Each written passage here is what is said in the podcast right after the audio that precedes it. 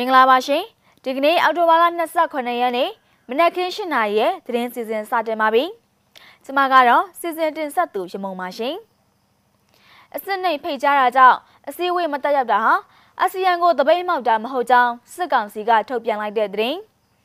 အကြမ်းဖက်စစ်ကောင်စီတပ်တွေဝင်လာလို့မင်းကင်းနယ်ကန်တွေမိုးရဲရေထဲမှာထွက်ပြေးနေရတဲ့သတင်းစစ်တပ်ထောက်ခံမွဲလာသူတွေကို ဒေသခံလူထုကတန်မုံတီးနှင်ထုတ်လိုက်တဲ့သတင်းတွေပါဝင်တခြားစိတ်ဝင်စားဖွယ်ကောင်းတဲ့သတင်းတွေကိုတင်ဆက်ပေးတော့မှာပါပထမဆုံးသတင်းကတော့အစစ်နှိမ်ဖိတ်ကြားတာကြောင့်အစည်းအဝေးမတက်ရောက်တာဟာအာဆီယံကိုတပိတ်မှောက်တာမဟုတ်ကြောင်းစစ်ကောင်စီလက်အောက်ခံနိုင်ငံသားရေးကသတင်းထုတ်ပြန်လိုက်ပါတယ်အာဆီယံစည်းဝေးကိုမနေ့ကအောက်တိုဘာလ26ရက်နေ့ကစတင်ကျင်းပနေတာဖြစ်ပြီးတော့မြန်မာနိုင်ငံကလွဲပြီးအာဆီယံခေါင်းဆောင်တွေဟာတက်ရောက်လျက်ရှိနေပါတယ်။ အာဆီယံကမြန်မာဘက်မှနိုင်ငံခြားရေးဝန်ကြီးဌာနအမြဲတမ်းအတွင်းဝင်ဦးချမ်းအေးကိုဖိတ်ကြားထားတဲ့အကြောင်းကြားစာကိုလက်ခံရရှိခဲ့တယ်လို့စစ်ကောင်စီကထုတ်ပြန်တာပါအစည်းအဝေးတက်မယ်မြန်မာကိုယ်စားလှယ်ရဲ့အဆင့်ကိုနှိမ်ပြီးဖိတ်ကြားတာတွေမိန်ငုံပြောတာနဲ့ဆုံးဖြတ်ချက်တွေချမှတ်ရမှာအကန့်အသတ်ထားရှိတာတွေဟာအာဆီယံဗြိဉ္ဉ်စာတမ်းပါမူလောက်ထုံးလုံနည်းနဲ့အာဆီယံရဲ့ထုံတန်းအစဉ်လာတို့နဲ့ကွဲလွဲနေတယ်လို့စစ်ကောင်စီနိုင်ငံသားရေးကဆိုပါတယ်မြန်မာနိုင်ငံက အာဆီယံထိပ်သီးအစည်းအဝေးတွေကိုနိုင်ငံအကြီးအကဲအဆင့်ဒါမှမဟုတ်သူ့ရဲ့ကိုစားပြည်ထောင်စုဝင်ကြီးအဆင့်တက်ရောက်ခွင့်မရရှိတာကြောင့်မတက်ရောက်နိုင်ခဲ့ခြင်းဟာအာဆီယံကိုမကျေနပ်မှုကိုပြသလိုတဲ့သဘောဆန္ဒနဲ့ပြုလုပ်ခဲ့တာမဟုတ်တဲ့အပြင်အာဆီယံကိုတပိတ်မှောက်နေခြင်းလည်းမဟုတ်ကြောင်းအာဆီယံအဖွဲ့ဝင်နိုင်ငံတနိုင်ငံရဲ့ရရှိတဲ့အခွင့်အရေးကိုတောင်းဆိုနေတာဖြစ်ပြီးတော့ညှိနှိုင်းဆောင်ရွက်လိုတဲ့သဘောထားကိုပြသနေခြင်းဖြစ်တယ်လို့စစ်ကောင်စီကပြောခဲ့တာပါသူတို့အနေနဲ့ တူညီဆန္ဒ၅ချက်အကောင့်ထဲဖော်ရမှာအာဆီယံနဲ့အပြုသဘောဆက်လက်ပူးပေါင်းဆောင်ရွက်သွားမယ်လို့စစ်ကောင်စီကဆိုပါတယ်။နောက်ထပ်သတင်းတစ်ပုဒ်ကတော့အကြမ်းဖက်စစ်ကောင်စီတပ်တွေဝင်လာလို့မင်းကင်းနယ်ကန်တွေမိုးရဲရီထဲမှာထွက်ပြေးနေရတဲ့သတင်းမှာစကိုင်းတိုင်းမင်းကင်းမြို့နယ်အတွင်းက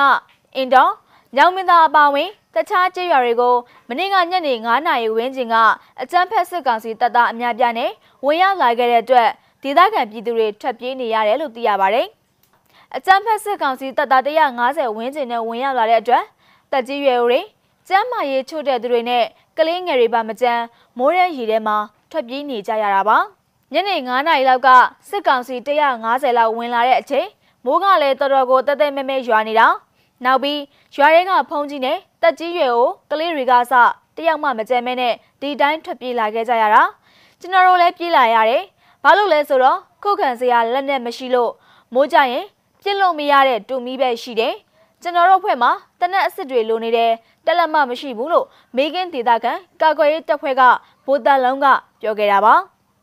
အကြမ်းဖက်စစ်ကောင်စီတပ်တွေဝင်ရောက်လာခဲ့တဲ့အချိန်မှာမိုးရွာနေခဲ့တဲ့အတွက်မင်းကင်းဒေသကာကွယ်ရေးတပ်ဖွဲ့တွေအနေနဲ့ပြန်လည်ပြစ်ခတ်နိုင်တဲ့လက်နက်မရှိခဲ့တာကြောင့်ဆုတ်ခွာခဲ့ရတဲ့တိုက်ပွဲတွေအများပြားရှိရဲလို့သိရပါတယ်။အခုလိုအကြမ်းဖက်စစ်ကောင်စီတပ်က ရွာငါးရွာကိုဝင်ရောက်စီးနှင်းမှုကြောင့်ဒေသခံတွေနေရစွန့်ခွာထွက်ပြေးနေကြရသလိုကာကွယ်ရေးတပ်ဖွဲ့တွေကလည်းစခန်းစွန့်ခွာထွက်ပြေးနေကြရတဲ့အတွက်စားနပ်ရိက္ခာနဲ့ဆေးဝါးတွေအရေးပေါ်လိုအပ်နေတယ်လို့သိရပါတယ်ရှင်။စစ်တပ်ထောက်ခံပွဲကိုလာရောက်တဲ့ရင်နှန်းတွေကိုမကွေးတိုင်းဒေသကြီးအောင်လံမြို့နယ်ပြည်သူတွေကတံမုံတီးပြီးတော့နှင်ထုတ်ခဲ့ကြတာပါ။အော်တိုဘာလ25ရက်နေ့ကတပ်မတော်ထောက်ခံပွဲပြုလုပ်ဖို့အတွက်အောင်လံမြို့နယ်အကစားကွင်းကိုထလာကြီးတွေကားတွေနဲ့ ပြည်အောင်လန်လမ်းမအတိုင်းခြိတက်လာနေတော့မှမြို့နေဒေသခံပြည်သူတွေကအာဏာလို့အကြမ်းဖက်စစ်တပ်အလိုမရှိကြောင်းတံမုံတီး၍နှင်ထုတ်တာတွေကိုပြုလုပ်ခဲ့ကြတယ်လို့ဒေသခံတွေကပြောခဲ့ပါတယ်။အောင်လန်မြို့ကအသက်40ကျော်အရွယ်အမျိုးသားတဦးကတော့စစ်တပ်ထောက်ခံပွဲလုပ်တာကလည်းလူဦးရေနည်းနည်းပါပဲ။သူတို့အတိုင်းဝိုင်းတွေကသူတွေလောက်ပါပဲ။တကယ်တမ်းအာဏာသိမ်းစစ်ကောင်စီကိုအလိုမရှိကြောင်းလူလူဆန္ဒထုတ်ဖော်ပွဲလုပ်ရရင်လမ်းမပေါ်ပြည့်သွားမယ်လို့ပြောပါတယ်။ စစ်ကောင်စီကိုထောက်ခံသူတွေကတပ်မတော်ထောက်ခံပွဲခေါင်းစဉ်နဲ့မကွေးတိုင်းအပါအဝင်တိုင်းနယ်ပြည်နယ်တချို့မှာတပြိုင်နက်တည်းထောက်ခံပွဲတွေကိုလုပ်နေကြတာဟာပြည်သူတော်လှန်ရေးရဲ့ပုံရိပ်ကိုထိခိုက်စေဖို့အတွက်ရည်ရွယ်ပုံရတယ်လို့တော်လှန်ရေးအင်အားစု PDF အဖွဲ့6ဖွဲ့ထဲမှာပါရှိတဲ့ပြည်သူ့နယ်မြေပြည်သူ့ကာကွယ်ရေးတပ်မတော်ပြန်ကြားရေးတာဝန်ခံဗိုလ်ထန်ထွတ်ကပြောကြားခဲ့တာပါတပ်မတော်ထောက်ခံနေသူတွေရဲ့အနီးပတ်ဝန်းကျင်ကိုမတွာလာကြဖို့အတွက်မကွေးတိုင်းအခြေပြု PDF အင်အားစုအဖွဲ့6ဖွဲ့ကတတိပေးစာလဲထုတ်ပြန်ထားပါတယ်။အဲ့ဒီအဖွဲ့6ဖွဲ့ကမိဘပြည်သူတွေအနေနဲ့တစုံတရာထိခိုက်မှုမရှိစေရေးတပ်မတော်ထောက်ခံနေသူတွေရဲ့အနီးပတ်ဝန်းကျင်ကိုသွာလာလှုပ်ရှားတာတွေမပြုလုပ်ကြဖို့အတွက်တတိပေးမြစ်တာရက်ခံစာကိုထုတ်ပြန်ခဲ့တာပါနောက်ဆုံးသတင်းကတော့မြောင်မြို့နယ်တိုက်ပွဲမှာစစ်ကောင်စီဘက်က6ဦးသေဆုံးခဲ့ပြီးတော့ပြည်သူ့ကာကွယ်ရေးတပ်ဘက်က3ဦးကြဆုံးခဲ့တဲ့သတင်းကိုတင်ဆက်ပေးပါမယ်။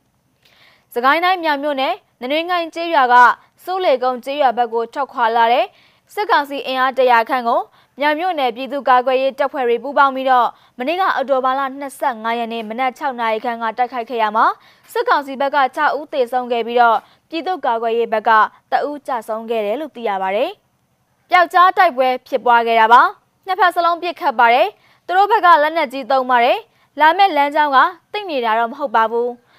သူတို့ကစိုးလေကုန်းမှာညကတက်ဆွဲထားတာကြောင့်မနေ့ဘက်ဒီလန်းကသွားတော့ပွဲဖြစ်သွားတာပါ။ကျွန်တော်တို့ကအမြဲတမ်းအစဉ်သင့်အနေထားပါပဲလို့မြင်းမူလျှက်စစ်ပြောက်ကြားတပ်ဖွဲ့ကမြင်းစီမကိုပြောကြားခဲ့တာပါ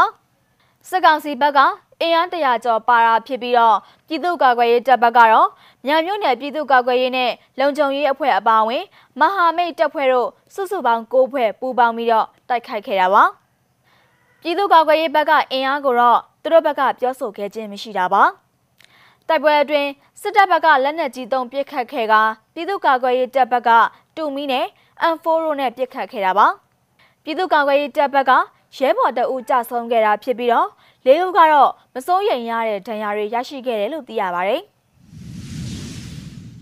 အော်တိုဘာလ28ရက်နေ့မနက်ခင်း7:00နာရီထိနောက်ဆုံးရရှိခဲ့တဲ့သတင်းတွေကိုတင်ဆက်ပေးကြတာပါကြည့်ရှုနားဆင်ပေးခဲ့တဲ့အတွက်ကျေးဇူးတင်ပါတယ်အားလုံးပဲ ကျမ်းမာရှင်လက်နဲ့တနေ့တာခရီးကိုဖျက်ဆီးနိုင်ကြပါစေရှင်